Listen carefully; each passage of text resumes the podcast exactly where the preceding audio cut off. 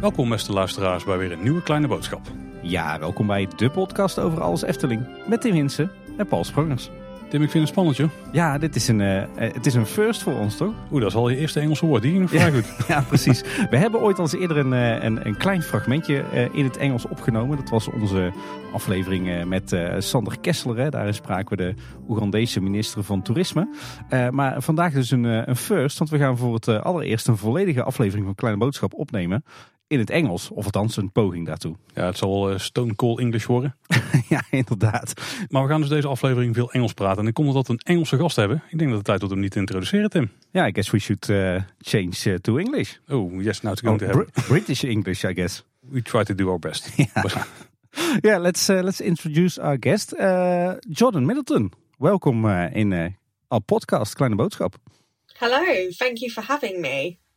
Excited. I think that most listeners know you by your online handle, which is Cupcakes and Coasters. Yeah. I understand uh, the coasters part, but the cupcake part is a new is a question mark to me. Everybody says this, and they're like, "Do you bake?" And I no, I don't, I don't. I don't even actually like cupcakes that much. I just thought it sounded cute and it stuck, and I'm kind of like, I would probably rename it if I went back, but it's been it's been around too long now that everyone knows me by that, so I just left it how it was. But yeah. Maybe for the listeners who don't know you that well, can you introduce who you are and what you do and why you are known on social media? Yeah, absolutely. Um, so I'm Jordan Middleton. I run a blog. Well, it started off as a blog called Cupcakes and Coasters. So I started that in 2013, and essentially I just wanted somewhere to document all of my theme park travels. I love theme parks. I love Efteling. Um, I have travelled around the world visiting theme parks. I've been on over 1,100 coasters globally. Um, and but I have a terrible memory, so I was like, I want to keep a blog so that I can remember what I've been doing, so I can look back and say, ah, yeah, we went here, we went there, um, and somewhere to post photos and things. Um, but as social media has developed. I've kind of developed my channels as well. So I post a lot on Twitter. that's where I met you guys. Um, I also have my Instagram where I've started doing, I, I post a lot of photography on there as well um, and videos and things. I do also have a YouTube channel, but I'm terrible at keeping up to date. I think I've got like 30 vlogs left from 2022 that I haven't edited yet. and I went to do one today and I've lost my memory card. So hopefully that shows up somewhere. Otherwise, all my 2022 footage is gone. But yeah, that's essentially what I do. I just catalogue my theme park travels and I think it's just a case of I've been doing this for so long. I've got a fairly big established following um, in terms of the theme park world. So um, yeah, I just continue to do it. Uh, every time I go somewhere new, I'm going to post about it. So I guess it's safe to call you uh, one of the most famous uh, theme park fans of uh, the United Kingdom. Oh, that, that's very flattering. Thank you. Yeah, I think I like to. Um, I think because I don't do YouTube as much as obviously you have like Theme Park Worldwide and things like this from the UK. He's obviously huge on YouTube, but I think with it's more my social media side of things. Like, and I think a lot of with theme park enthusiasts, a lot of them are guys, are men. Um, and with me, I think I was probably the first woman to be doing this. Like, I don't, I can't think of any any female kind of content creator um, before myself. So I quite like that you've kind of got younger female enthusiasts now who can go online and they see, oh, there's other women doing this. Whereas when I was younger, there were no women doing this. So it was kind of, it's quite nice to have, have that representation and kind of, um, have people kind of look up to me and say that they like, because the, the style, the way that I do kind of my theme park photography and my videos, I, I like romanticize it. And it's kind of, I guess, if you look at Instagram and the way people post on Instagram, they do like outfit reels and kind of like um I don't know, like showcasing makeup and things like that. I do all of that stuff but in a theme park setting. So I think that's quite unique um in the way I do that and I've seen quite a lot of people um kind of doing starting to do more of that you see way more of that now um, than you did when when I was kind of first starting so it's really cool to see Yeah, so you're also a kind of role model for uh, British theme park fans, female British theme park fans. I hope so. I hope so. Like I, I like I like the idea that I could kind of um, yeah be that representation for people who maybe didn't have that before. Yeah, it's an interesting development because we're making this podcast now for five years, and uh, especially the last couple of years, more and more uh, female theme park fans uh, and uh, theme park staff are uh, uh, turning up in our podcast, much more than in the beginning. Yeah, it's really nice, really nice. But now we know who Jordan is. We know what cupcakes and coasters is and what your biggest passion is. But what do you do in in everyday life? Um, I actually work for a big um, UK theme park brand. Oh. And I can't really say more about it. Ah, okay. but it's a big theme park brand. Yeah, yeah. sorry. yeah, we know some other YouTubers who uh, also uh, do something similar. Yeah. yeah. Where did your love for theme parks come from? I think it came from my family because we always um, grew up going to theme parks. Like we went to Orlando for the first time in 1994 when I was three years old, and we've always gone kind of every two to three years. My parents love theme parks. They've actually just recently been um, to Dubai and they went to Warner Brothers. I haven't been there. They went like without me. Like they've been there and I haven't. Like it's it's it's crazy. Um, and even like my grandparents, we um, were looking through some of their old photo albums um, a couple of months ago, and there's pictures from like the 1980s, and they went on a road trip to California. And of course, they went to all the parks. They went to Disneyland. They went to Universal Studios. They went to Knott's Berry Farm. So it's kind of just in my DNA to like theme parks. Like I don't think I really had a choice. Um, but yeah, when I was when I was younger, we always went. But then when I was kind of a younger teenager, maybe 13, 14, um, I had the internet for the first time, and I kind of set out to find like what do they say like find your tribe and looked online and I remember searching for kind of is there somewhere like a chat room or a forum or something where I can find other people who like theme parks. Um, and I came across Coaster Force and that was the first forum that I joined and I was a, I was a member there. I still am a member. I just don't really post um, as much, but I joined that forum and that kind of really kick-started it. That was where I first met up with other theme park enthusiasts and actually started visiting all of these parks that I'd read about for so long. Like like I said, my, my parents and my family loved theme parks, but it would be the the more well known parks we would go to, like Disney, Universal. We went to Disneyland Paris, Portaventura. Um, but if I wanted to go to what they would consider a more niche place, like a Phantasialand or Efteling, um, I went to these places for the first time once I joined the forum, and people were kind of willing to go to places that wouldn't really occur to a British tourist to go to as much. Maybe it's a bit different now. You do get a lot more people kind of going to Efteling now from the UK, people who wouldn't consider themselves enthusiasts, but generally speaking, it was seen as a bit, yeah, bit different. And it was, yeah, found found my people and kind of it it springboarded from there really because the forums kind of naturally progressed into obviously I had my channels, but then I also met a lot more people on Twitter and Facebook and Instagram, and it's just kind of grown exponentially. Like it's um, really nice to see just so many people who are into theme parks now, and everyone's connecting so much easier um, through social media. Whereas growing up, I didn't have that. Like you really had to had to search. I'm sure it was similar for you guys. Um, you had to really try and figure out who was into theme parks and build these friendships. Whereas you can just search a hashtag now and there, there, yeah. there they are. Like everyone's just there. Yeah. Yeah, I guess we we were also teenagers when uh, when we came uh, in contact with uh, other theme park fans for the first time. And it was on uh, on forums, but also on uh, old-fashioned mailing lists. yes, yes. And when you get it from the family in uh, the Netherlands, we have a great saying for that. It was poured in with a porch spoon. You can take that home with you. yeah, you you, ha you have a real theme park family definitely. That's a definitely. luxury that we're jealous yeah. of. yeah.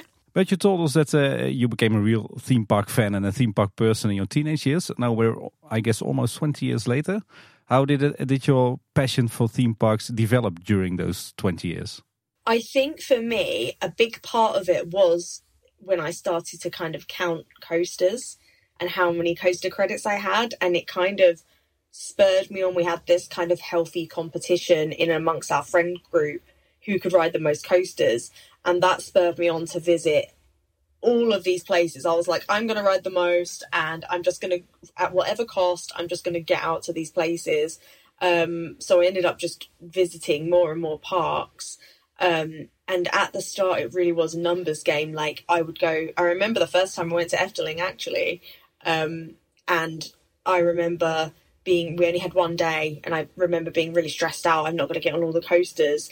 Whereas now, if I go to the park, I'm like, I will go on the coasters, but for me, that's not the best part. Um, so it's funny how it's changed from being this real numbers game to now, if I go to a park, it's quite nice that I've kind of, Asia aside, I've kind of been to every major theme park that I would be interested in going to. Like, obviously, in China, there's just always a million parks being built and there's always new cool stuff to do. But generally speaking, I've been everywhere I would like to go. So when I go back to these places, I don't have to worry about, oh, am I going to get on every roller coaster? It's like a revisit, and you can take your time and really take in the atmosphere um, of everywhere.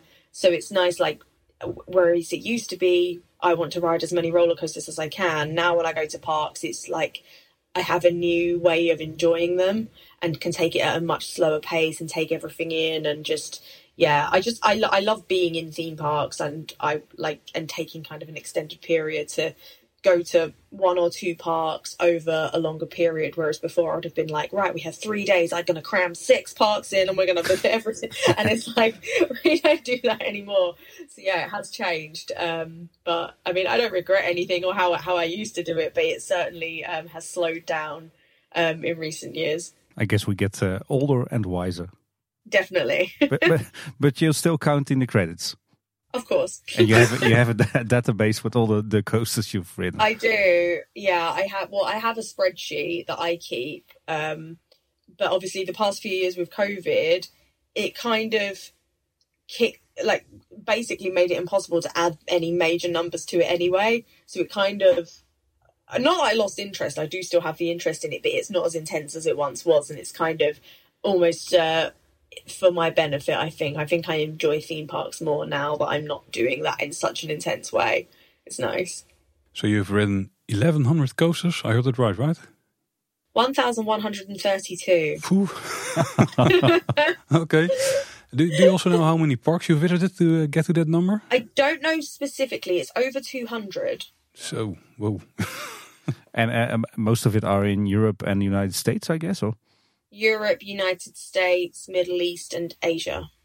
Yeah, like the yeah. whole theme park world. Yes, I think the only yeah, I like. I, I, I really want to go to Gold Reef City in Africa. I haven't been there, but yeah, in I mean South America from a from a theme park perspective, and Austra- I have no interest in going to Australia either. I know that's probably quite weird. Most people want to go to Australia, but I've just not really bothered. It's too far away. I'll go one day, but it's not on my list. But yeah, it's, it, it's too hot for someone from Britain. Oh God, yeah, definitely. I don't do well in heat either. Terrible. And it's where all the criminals are. yeah. yeah, yeah, definitely. I was going to ask you if your love for uh, theme parks, if you could call it a passion, but you've already answered that question, I guess. definitely, definitely a passion. Uh, does your love for theme parks only revolve around amusement parks, or also themed experience in the broadest sense of the word? I really love themed experiences in the broader sense of the word, actually. So I love a themed restaurant. I, there's there's a restaurant around the corner from where I live called the Smith and Western, and it's Wild West themed restaurant, and the food is terrible, but I will go there because I'm like, it feels like I'm in Disneyland, so I, I want to go and have a beer in the themed restaurant. And the same, even like escape rooms, and I'm quite lucky living close to London. There's quite a lot of that stuff around. Um, any themed shops. Um, yeah, thing, things like that. I love. I absolutely love any anything like that. It doesn't have to have rides. Rides are a benefit. I, I obviously um, it, it's better if it does have rides. But yeah, generally speaking, anything themed, I'm into it. I think places like uh, zoos and museums. Oh yes, oh yes, I love a zoo. Definitely love a zoo. Is there is there ever a weekend you're at home? um, do you know what? Again, since um, you talk about theming, it's funny because when obviously we had lockdown and I was really feeling like the withdrawals because I am very much used to doing something every single weekend. We're always go on the go doing something, and then lockdown came and all of the attractions closed. So I was like, right, well, what are we going to do? And I started. I was like, well, actually, there's quite a lot of places in the UK I haven't visited, so I would find these like fairy tale looking villages in the UK and drive out to those and then start it almost became like well this is like a theme park but it's real um, so we went to the town where um, like that was in the Harry Potter films, Godric's Hollow. We went to the town where that was filmed. There's a um, a town in Kent. Uh, it's like a seaside town. It's called Rye, and it looks like a pirate village, but it's real. So I started doing a lot more of that. Um, but yeah, no. Generally speaking, I'm not at home ever. Story of my life as well. Yeah. You're a big part of the British theme park community. Uh, how would you characterize the community there? um, it's very passionate. Everybody's very intense. Everybody loves the parks. It's a real. There's almost like a rivalry, and it's usually between, for some reason, Blackpool Pleasure Beach and Alton Towers fans there's this weird rivalry, and everyone's like, "No, we love all the parks." But if you tell a Blackpool fan that the big one is not a good coaster, you're gonna feel like the fury. It's it's such like an intense passion that these people have. Um, but then everybody comes together. Like we had um, Nemesis was closing at the end of um, November this year, and everyone went for the last day, and we had a big group photo, and it was the atmosphere there was really nice. And similarly, I mean, we're not doing it next year because they changed the date, but we used to do opening weekend at Blackpool as well um, for the first day of the season. For some reason, this seaside town decides they want to open their park in February. I don't know why. It was it's always raining. It's always none of the coasters are ever running because of the weather. Because obviously it's windy, cold. They can't run. Um, but everybody just goes to kind of see each other. And there's a um, pub called the Velvet Coaster that sits on the seafront. Everyone goes in there, and it's just like having theme park Twitter in real life. Everybody sat around having a drink and having a good time, and it's it is really nice. Everyone bickers, especially during closed season. Once the theme parks are closed, everyone doesn't have that distraction anymore, and then everybody starts having a go at each other and arguing. There's always drama, but it's it re- really everyone loves each other and everyone gets on and everyone will defend each other. But it is um, never a dull moment, I would say. Would you say British people are theme park fans? Is is the big fan community? I think so. I think we have this like it's it's like um just part of British culture that you go to Alton Towers. Like everybody knows Alton Towers if you're kind of Midlands North, if you're Southern, it, you probably grew up going to Chessington or Thorpe Park. But everybody knows Alton Towers. Everybody will have been to Alton Towers. Everybody knows. Also, Disneyland Paris. British people love Disneyland Paris. Like everybody, everybody with kids has probably been to Disneyland Paris. Also, British people also love Orlando. So everybody's going to go to Orlando and do the Disney World Universal holidays. So yeah, I think so. I think there's a big part of it. I'd love to know why. I don't know what it is why we love theme parks. It's actually really interesting. I think there's kind of a um, there's probably a history around kind of the seaside. In the Victorian times, everybody went to the seaside for their holidays, and that's it. it probably stems from that, but it's a good idea for a blog post. I'll uh, I'll look into that. Write it down. Yeah. yeah. Uh, you already mentioned uh, a couple of uh, very famous British theme parks. Uh, a road trip alongside all the British big British theme parks is still on my wish list. Which uh, British parks should we really visit if we ever come to UK for a, a big trip? For me, the big ones would be um, Blackpool Pleasure Beach because you've got all of that history. If you want to talk about do British people love theme parks, you need to go to the Pleasure Beach and you'll see why. And it's it's kind of I love that you've got rides there that are over hundred years old and they're still operating and you can ride them. And I think that's that's amazing. It's like a piece of living history. Um, Alton Towers, obviously, it's iconic, it's beautiful. You have this kind of heritage building, and then around it, you have some of the best roller coasters in the world. Um, Park, um, again, close to London. If you're visiting London, it's definitely one to visit. It's, I mean, uh, again, really excellent coasters, and it's very small.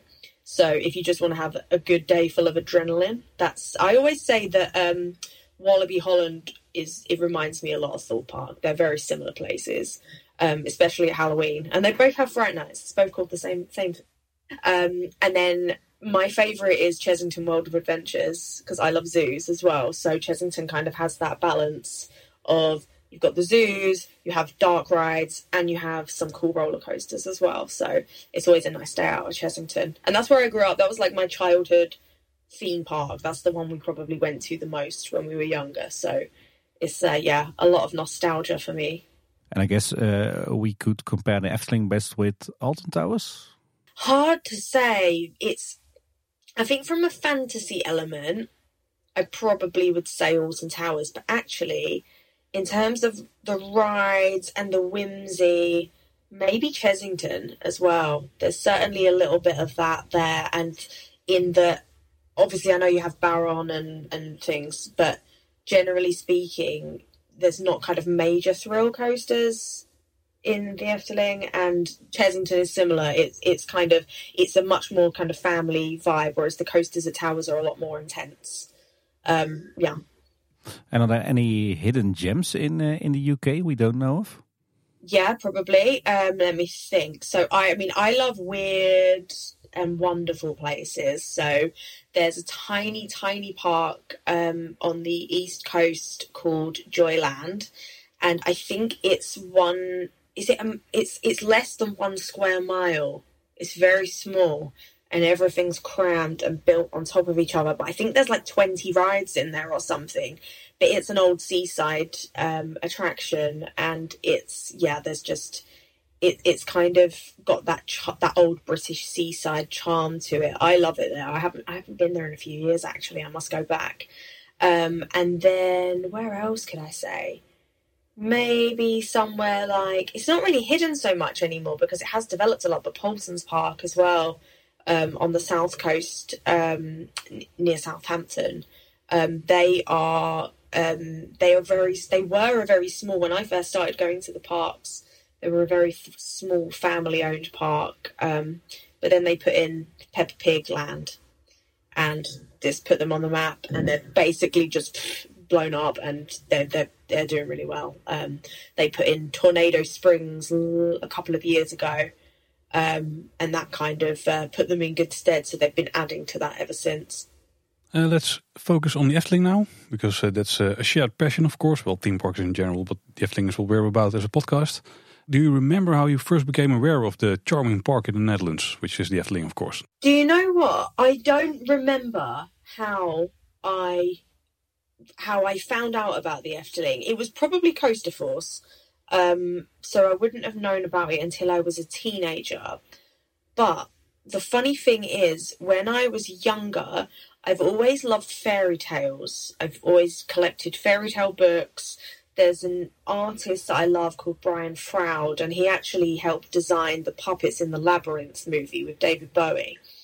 And then I remember seeing the Anton Pieck stuff and being like, this looks exactly the same. So he's obviously inspired, and I've since kind of read into it and seen, yes, he was inspired by this. It's a very similar style.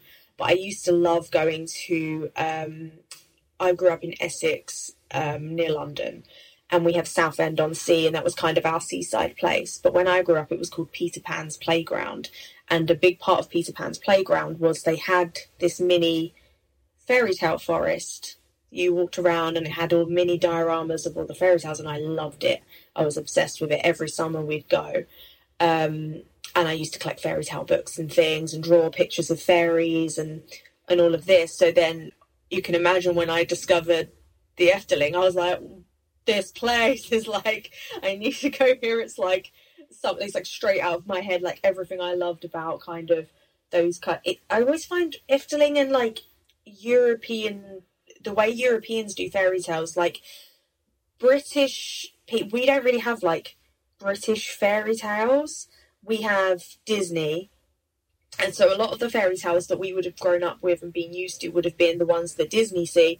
And to us, it's like, oh, European fairy tales are a lot darker and it's a lot, it's a lot kind of edgier And that's what I always loved growing up. I would always kind of seek out, well, here's the Little Mermaid as Disney showed it. Well, what's the Hans Christian Andersen version? And I would have all of those books. So it was quite cool to me when I found out about the Efteling, and I was like, oh, these are like the like fairy tales as they were originally told and originally shown.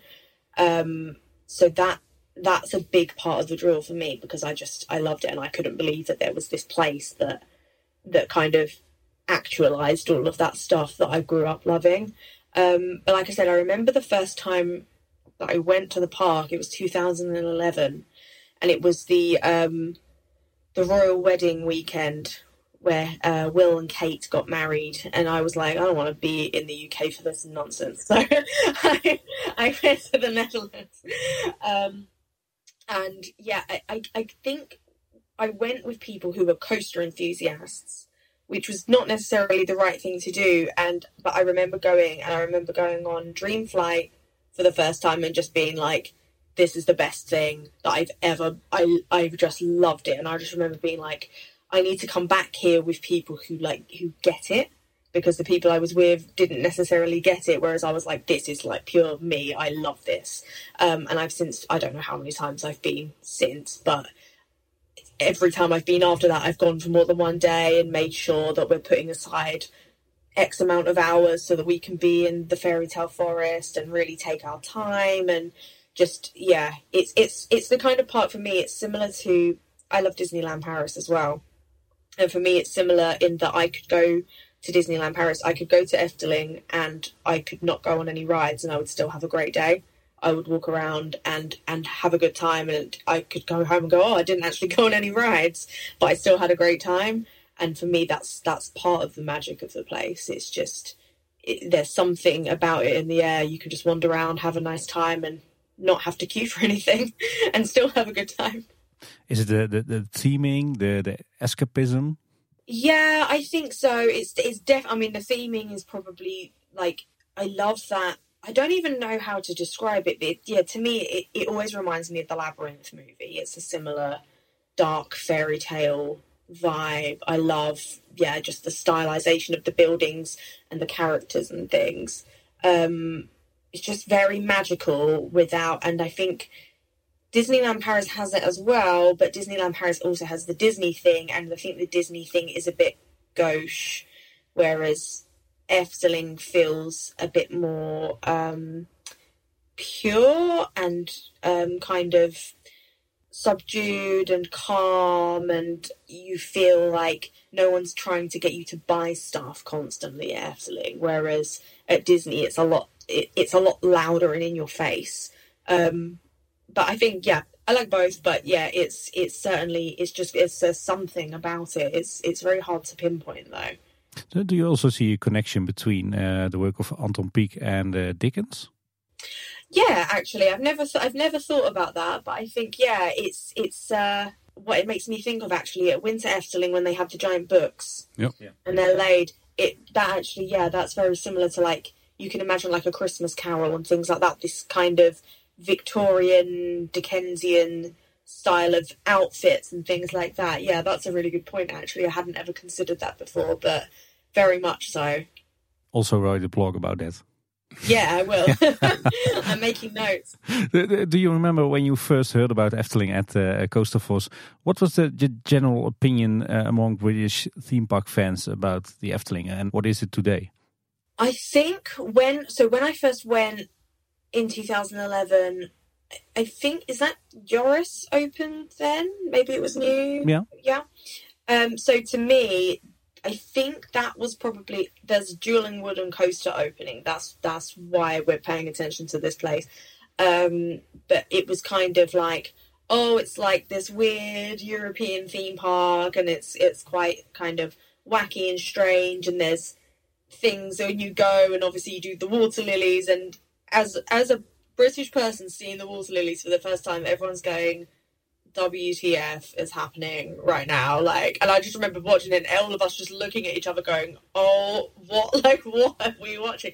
Whereas, like now, it's, it's, it's my favorite part of the, of the fairy tale forest. I love it. I love taking people in there who have never seen it before and just watching their reaction to what's happening.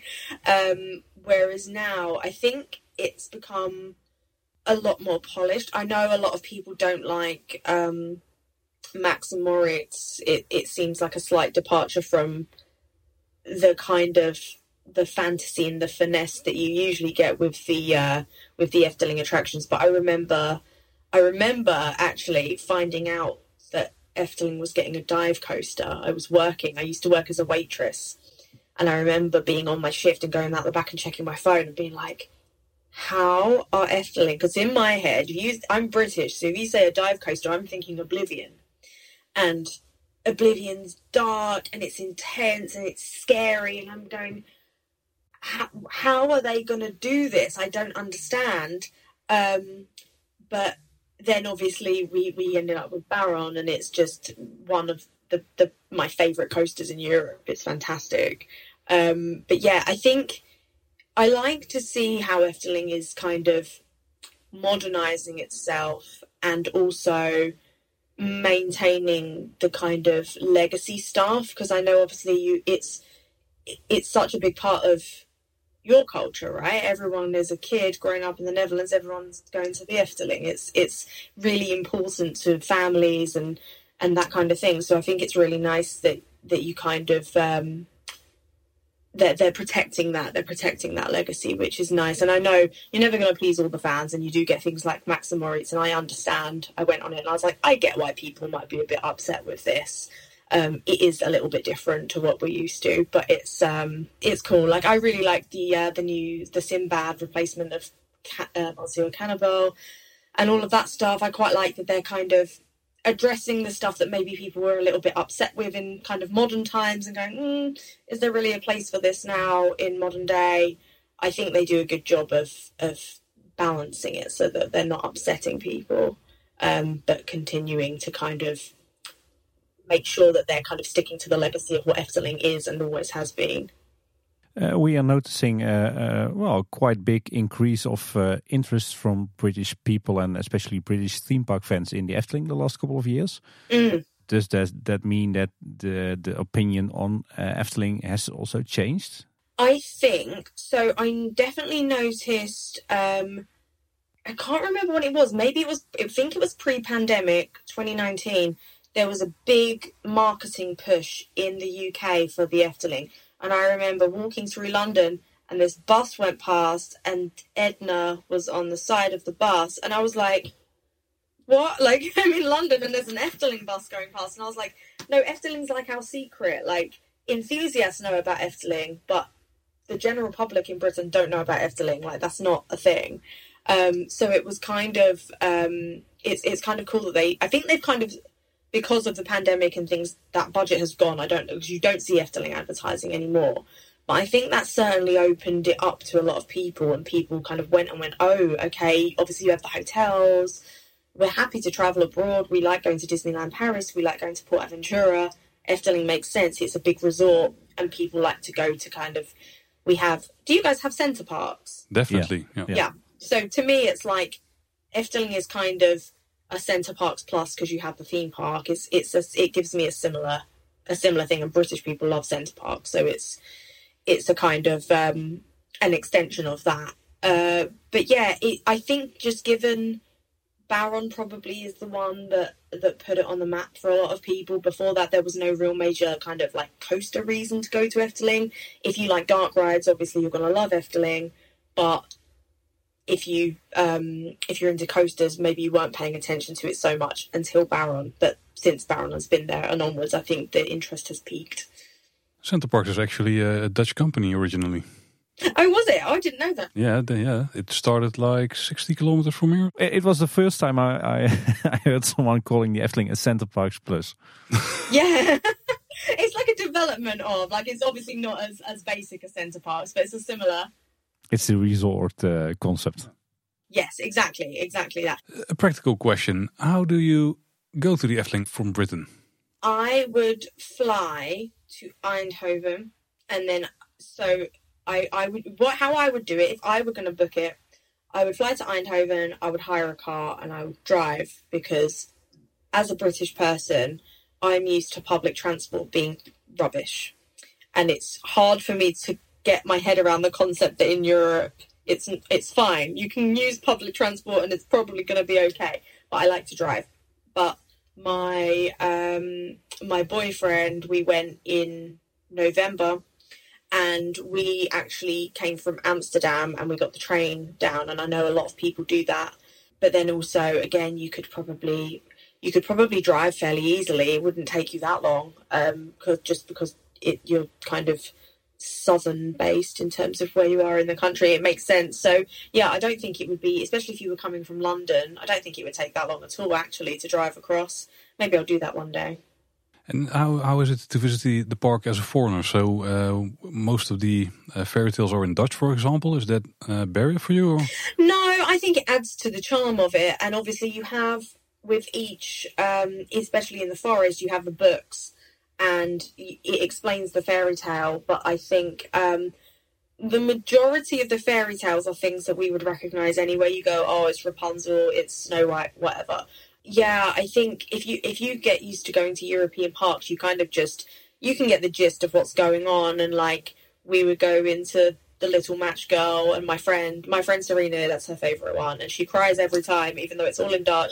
No idea what they're saying, but the fact that it, still emotes in the same way, despite the fact that you have that language barrier.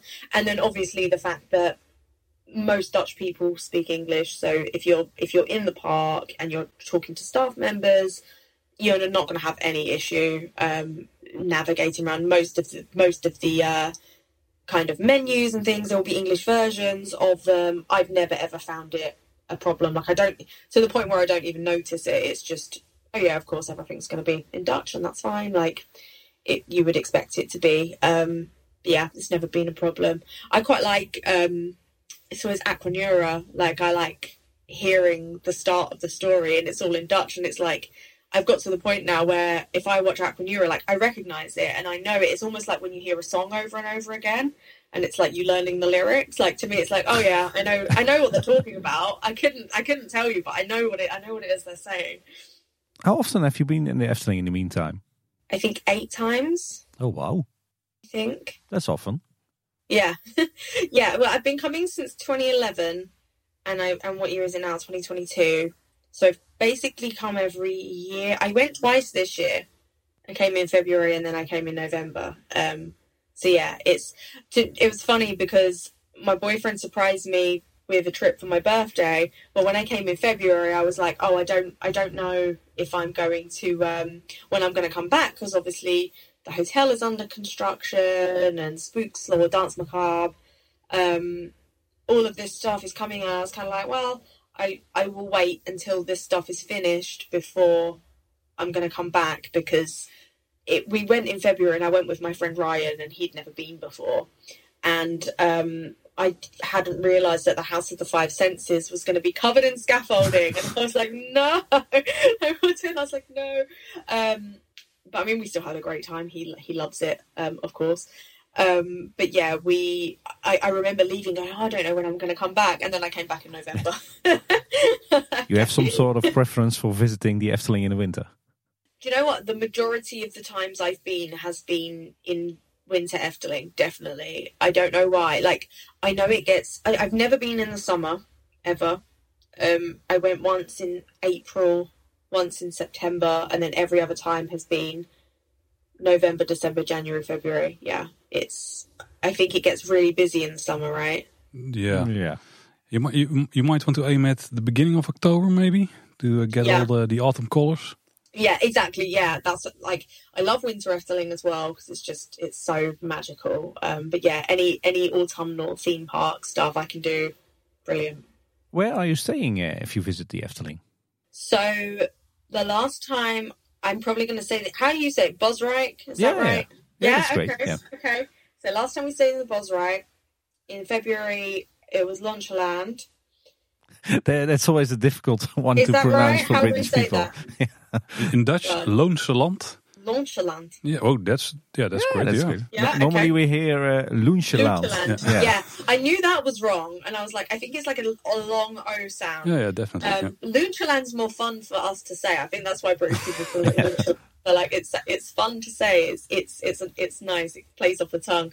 Um, and then in 2016, I stayed at the Efteling Hotel. So I've been at all three resorts, but obviously it's very expensive. So it's reserved for. I think we got a really good deal in February, and that's why we went to Launcherland. But generally speaking, I would stay just somewhere around. Like I don't have a preferred place. I'll just find like an ibis hotel somewhere to stay. Um, I have stayed before at Phantasialand and driven across. That's also a way to do it. yeah. um, but yeah, if I'm, it depend depends what kind of trip it is. If it's like a special birthday or an anniversary or something, I usually try to stay in the resorts because they are amazing. Do you have a favorite? Bosrijk, definitely, definitely my favorite. That's what we hear from a lot of people. So good. I, I, oh, it was and we got to meet the Sandman because it was funny. It was the last night, and I was like, "Oh, we are walking back, and I was like, oh, I'm really sad we didn't get to meet the Sandman." And then he walked around the corner, and I was like, "Yes!" stood, stood and talked to him. That was really fun, and yeah, oh, it was yeah, so beautiful. It's also the only one for now with a swimming pool, so that's the Center Park five there for you. Yes, it yeah. is. It's and it's like the little the holiday cabins and like the village and things. Like yeah, it was just very um, and in the woods as well. Yeah, that was nice. But yeah, I think they're all I think they're all good in their own way. They all have different different things. You you already mentioned the plans for uh, the Efteling Grand Hotel, uh, so you know about that. Uh, do the plans appeal to you? Will you stay there? Do you know what? I haven't looked. I do this thing where I I don't if something's under construction, I don't look at it too much because I like to go and experience something for the first time when I don't know anything about it. Um, and so, from what I've seen, I definitely will stay there at some point. Um, I'm worried that it will take away from the House of the Five Senses because to me that's such a focal point and it's so I love it. It's I love Lord of the Rings, and for some reason it always reminds me of Lord of the Rings. I don't know why. Best theme park entrance in the world, I guess. Yeah. So I am interested as to how they're gonna make it stand out, but also make it so it doesn't detract from that. And I don't think there's any way you can, because at the moment it sits and it's center and there's nothing else around it. But you're going to have this building, and I'm sure it's going to be beautiful and lovely. But yeah, and and I are they still keeping the House of the Five as the entrance? Yep. Yes, yeah, yeah. But you can also get in through the hotel. Yes. Yep. Yeah, yeah. So, I mean, it will, it will be amazing, of course. Most things that Efteling build are really nice, so I think it's going to be great, but I'll be interested to see. And depends how much they're going to charge me for a room as well. yeah. yeah. it will be quite expensive, we expect. Yeah, I think so. I'll save it. Uh, what is something that's typically Efteling to you? Oh, smells in the rides. Obviously, you can buy the sprays, which I was so glad they brought those back. So specific smells and um, anything like fairy related, like Dream Flight's my favorite ride in the park. So anything kind of fairy related, the buildings as well, like the style of the buildings. Like you could look at something and know that this is something I'm going to find in Efteling. And I think it's quite funny when you see like Toverland they're clearly very inspired by Efteling and that style of architecture. They've made it their own, obviously, and they do their own thing. But I do think that if Efteling didn't exist, Toverland would not look the way it does. Um, and there's just yeah, certain things about European theme parks you go to and you kind of go, oh, "This is the Efteling inspiration here," and you see it. It's just that kind of whimsical fairy tale style. Um, but yeah, they're they're probably the things that stand out to me. Maybe what else? Um, I know that for you guys, this is like, I think it's a New Year's Eve thing, but is it Oliebollen? To me, yeah. that's a big. Efteling thing because I at the I always end my day watch Aquanura and have Oliebollen, and to me that's like a big Efteling like thing that I do. And I was really sad when I went in November because the store was closed because of all the construction. And I was like, no, I'm not going to be able to get Oliebollen and then watch Aquanura. Is that right? It's like a New Year's thing. Yeah, the, the month yeah. of December and yeah, the first few days of January. Yeah, mostly New Year's Eve. Yeah. Yeah. You've already told us why you love the Efteling so much, but are there also certain things that uh, you don't like about Efteling? Or that they uh, should uh, do something about? Do you know what? It's not necessarily something I don't like, but there's something. If if I said a liminal space, do you does that is that do you know what that means? Doesn't ring a bell. No? Go go on go on Twitter and search liminal L I M I N A L, and it's there's a lot of liminal space in Efteling, and it's it's odd. One thing that always stands out to me is the toilets by Fata Morgana have this big empty space and nothing's being used in it. And there's quite a lot of that in Efteling. Um, Carnival Festival has it as well, like that building, and it's it's really hard to describe, um, but it's just like a feeling. They always say the best way to describe it is like if you went into a school during a school holidays when no kids were there, it feels liminal. Like it's there's just something a little bit off and a little bit strange. There's quite a lot of that in Efteling, but I, it's not. I don't dislike it, it, but it's just like sometimes you step in somewhere and go, "Oh, this feels a bit strange and a bit weird." Also, the um, bit between the carousel and the diorama. Oh yeah, that's through. a great example. Yeah. Do you yeah. know what I mean? Like, yeah, yeah, yeah. you go through there and go, "It's a bit weird in here," and I don't know why. um, it's like uh, too, too much space yeah and you kind of go i know this is probably just from years of of it just being in this space and no one's really thought to change it, it it's something you won't experience in Phantasialand liminal no, space. definitely not. There is no square square foot of Phantasialand that doesn't have something in it. Something else, hmm, maybe that I don't like about Efteling. That's really hard. Oh, do you know what? This is silly. I, I mean, it's probably because I don't really know the park as well but I can never find toilets in the Efteling. Mm. There's no toilets anywhere. You, I'm always like, I always end up in the same ones, and I'm like, how have I had to walk across the park to find these toilets? That's a shared yeah. frustration, and we go to Efteling uh, twice or three times a week. So, yeah. Is that a thing? Do people complain about that? Yeah, but they were building two new big toilet uh, groups. So one near Danse Macabre and one uh, at the entrance in the new hotel. Ah, okay, good. Yeah, I remember Like we were there in November and going, where, I think we were, no, we weren't by Symbolica. Where were we? We were somewhere, and I was like, there is of in the in the top of my head, I cannot think where is the nearest toilet. I have no idea. we walked for ages. What do you think uh, Efteling can learn from the British theme parks? Oh, that's interesting. I guess do you know something the British theme parks do really well and I don't know why Efteling doesn't do it because, and I'm sure there's reasons, but Halloween stuff, I feel like Efteling could do such an amazing because you have this fairy tale thing. There are so many amazing, like spooky Halloween characters. I feel I would love to do an Efteling horror maze. I would love to see what they would do with that concept, and it wouldn't necessarily even have to be scary it could just be creepy and a little bit strange and or like a light walk or something through the fairy tale forest. But i think british parks not even just theme parks like britain in general we have so many haunts um, and everyone loves halloween. And it's it's only been in recent years that that's become more of a thing. Um, but I know obviously in the north you have you have Walibi obviously who who kind of own Halloween I guess but Hellendoorn as well they did a really good Halloween event I've been to a couple of times. So I know the Dutch people would enjoy it. So I did. I mean, I don't know if you guys know why they don't really do Halloween. Is it because it's family and it's kind of spooky stuff? But I mean, there's loads of spooky stuff at Efteling. So because it's too much American and and right.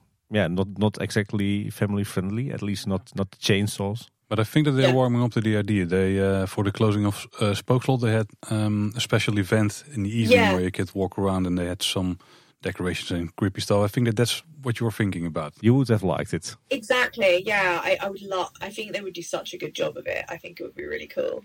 Any other way around? What can British theme parks learn from the Efteling?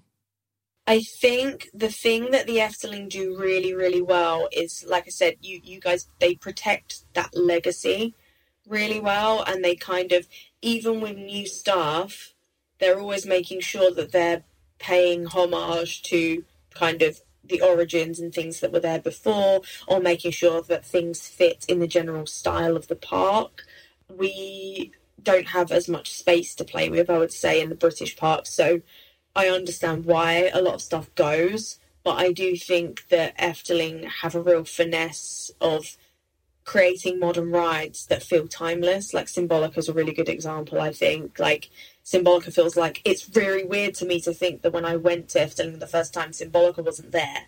And you kind of go, how, like, I can't even imagine this place without Symbolica. And it feels like part of the furniture, and it obviously it's right next to the Tale Forest as well, and it fits perfectly. It doesn't stick out. It doesn't feel new, even though it is kind of well, in in the wider scheme of things, it's new. But it's um yeah, you guys do a really good job of that. You were talking about liminal space earlier. Well, you should have seen the square before Symbolica was there. yeah, I, I you know I really I wish I could remember it because I I remember when I first went in 2011. We obviously we did PandaDroom. Yeah. Yeah, and it and I remember the the cafe, and I remember walking down that path with all the the lamp the lanterns. Yeah. Are they? And obviously Symbolica's at the end of that, but in my brain, I nothing. It's, it's nothing Used to be a car park. right. Just one gigantic uh, empty square. yeah. I think it's time for some uh, rapid fire questions. Uh, what's your best Efteling memory? Oh, definitely going on Dreamflight for the first time, but going into the. I know it's got a name, and I don't know what the name is, but the room with the planets. Uh, Hemelburgten. Yeah, yeah, that room, and I just remember being just blown away and being like, "Wow, like this is." To me, that's when I think of Efteling. That's what I think of. What's the most beautiful spot in the Efteling according to you? Oh, that's a really hard. That's a really hard question. Now I know they're meant to be rapid fire. I'm sorry. Um, no, this is the way that it usually works at uh, at our podcast. Oh, it's. I mean, it's got to be in the fairy tale forest. I'm obsessed with the Pinocchio, the big fish, Pinocchio. I every time I go, I take like a million photos of him. I stand there for ages, just and I've got so many of the same photo, but I can't help it. And usually, you go at the right time and the sun is coming through the trees, you get it's beautiful. Yeah, I love that. And also the square where the um the frogs, the golden pop, the golden. Oh, uh, yeah. That's his favorite. Yeah. well. the Hera, the Herautenplein. Yeah. We hear that a lot. Do you also have a favorite attraction in the Efteling or a favorite ride? yeah, Dream Flight's definitely my my favorite. Yeah, yeah. And a question we never ask, but uh, I'm really wondering it. Uh, the- the worst attraction, according to you? The worst. Oh, I don't know how this will go down, but Carnival Festival. I don't. I don't like Oh, Carnival yeah. Festival. Yeah, we can shake hands on that, yeah. yeah. Paul is your spirit animal. Yeah, definitely. Um, the Efteling is known for its details. Um, do you have a specific detail that you really love? yes, I love in the fairy tale forest. I okay. I love the mice in the Pinocchio and the scene, and I love the Jiminy Cricket that pops up if you wait. I love. There's one. I think it's before the Emperor's New Clothes. There's one tree, and it's a real tree that has a fake tree face on it. And I every time I see it, I'm like, why? Like, it. What is it? The one tree. No other trees have it. It's just this one guy, and I don't know why he's there. Uh, And then also the um, goats. There's the goats, and there's one goat who's in the clock. The faces on the clock are horrible, and I love them. Like they're so scary and grotesque, and I'm every time I go in there, I look at it. I'm like, this is just it's everything I love about like fairy tale design and things being like a little bit creepy and a little bit off. Like I love I love that clock in there. Oh, and I love in the Cinderella one, I love the dove on the string. The, Oh, yeah. yeah. do you have uh, some favorite food and drink items in the Efteling? Specifically to the Efteling? Apart from the oliebollen. Oliebollen, yeah. Yeah. Um, my new my new favorite thing is the pepperoni pizza from the bakery with that's on the bread like this thick. So good. um, not specific to Efteling, but I love they used to have Leffe beer because that's my favorite beer, and I love that I can go to Efteling and do that. Um, I really like the um, the pancake house. Obviously, um, they do a pancake that is apple, cinnamon, and raisin. And that's if I make pancakes when we have pancake day in February. that's the pancake I make. And then when we went there, it was on the menu, and I was like, they didn't like nowhere sells this. So I was like, yeah, that's what I get every time. I love that. Do you have uh, uh, an advice for the Efteling uh, on behalf of the complete British theme park uh, fan world?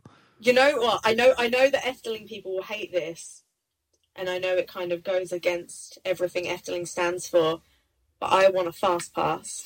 I want to be I want to be able to skip the queue, and I get it. I get why, and I understand that actually, in the scheme of things, it probably is better they don't have it. But when we went in November, on the Saturday and the Sunday, it was so busy, and I was like, I would pay. I would pay. Let me pay, and obviously you can't. Um, whereas, yeah, every British theme park you can buy a fast pass, and we're just, I think we're spoiled. We're used to that, and I'm like, why can't I pay to skip the queue? yeah, that for me, I would, I would love that. Even if it was just on like, like five rides. Those five rides. I know you tried. They trialed it on Python, didn't they? They had that. Yeah, but it was it was free. It was like uh, a boarding pass. Yeah. Yes. Oh, I I discovered this time that the Python sign hisses at you. Yeah. I didn't know that before, and we walked past it, and I was like, "It's making noise." In the world in general, what's your favorite theme park? Of all the twenty uh, theme parks you visited. Phantasialand is my favorite. Theme park. wow. Sorry. I, we can agree about that. We weren't Uh, fishing for the Efteling, or? Efteling's up there. Efteling's in my top five. Phantasialand is my favorite after Efteling, I guess.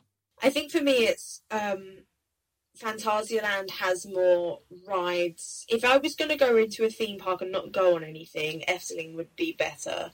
But in terms of rides, I prefer the rides at Phantasialand. yeah, nothing can compete with the Geister Rickshaw. Yeah, Oh, that's the best. Yeah, yeah. And Hollywood Tour. Yeah. I love it. and they have the best drop tower in the world. Oh, well, yes, I agree with that as well. Yeah. Thank you. You agree? Okay, okay. Uh, Yeah. The spirit animal thing is over now. What's your favorite attraction in general? in the world, Yeah. Yeah. that would be the Tower of Terror at Hollywood Studios in Orlando. Wait, so you don't classify that as a drop tower? It is, but I mean, it, Drop Tower in a more Because that's my favorite drop tower. like classic sense, Mystery Castle. Yeah, you go up, you go down, it drops. Whereas Tower of Terror is a bit more to it, I guess. Yeah, yeah, it is a drop tower, but it's different. We're with spirit animals again. Yeah. When will when will we see you uh, in the Efteling again? Have you got any plans to uh, return to That's the a really good question. I don't know when is when is the hotel opening? Do we know? Is- We don't have a specific time window. It should be in 2024. yeah, somewhere in the beginning, I guess. I probably won't come next year because I came twice this year. But then once I w- when I come back, it will be once all that. Con- Basically, I want to wait for the construction to be done because it does. As much as I went, I was like, oh, it'll be fine. It does when you go and there's walls everywhere, and it's kind of like and Danse Macabre. Like you couldn't walk down that way, and it did. You did notice it, I think, and I would like to wait for all that dust to settle. Um, and then hopefully when I went in November, Joris was being retracked, so obviously we'll have that. And I think they're fixing the dragon. Yeah. I know they say that every year they're fixing the dragon, and she never fixed. But Actually, they told us they wouldn't fix it, and now they did fix it. yeah, Although it doesn't breathe fire anymore, but No. we'll take that. And I believe Dreamflight was closed as, uh, closed as well. yeah. Dreamflight was closed. Max and Moritz was closed. Joris was closed. Spookslot was closed. Okay, but like I said, we walked around and we just had a good time anyway. So cool. That's great. Yeah, Jordan, it was a delight to talk to you. Thank you so much for having me. It's been uh, yeah, really nice, nice way to spend my evening talking about one of my favourite theme parks in the world. Um, yeah, I can't wait to get back. I can't wait to see how everything turns out. I think it's going to be really, really cool. If our listeners want to find out more about you, where can they follow you or look you up? So my blog is cupcakesandcoasters.com um, and all my links are on there, but I'm most active on Instagram is at cupcakes and coasters and Twitter is at cupcake underscore coaster. They're my most uh, my most active channels. Uh, but yeah, do give me a follow and come chat to me about Efteling. I can talk about Efteling all day. We noticed. can we can relate Yeah. to that. Yeah. That's why we, we're making a podcast uh, Yeah. about it for five years already now. We will put some links uh, in the show notes, uh, which you can find on our website.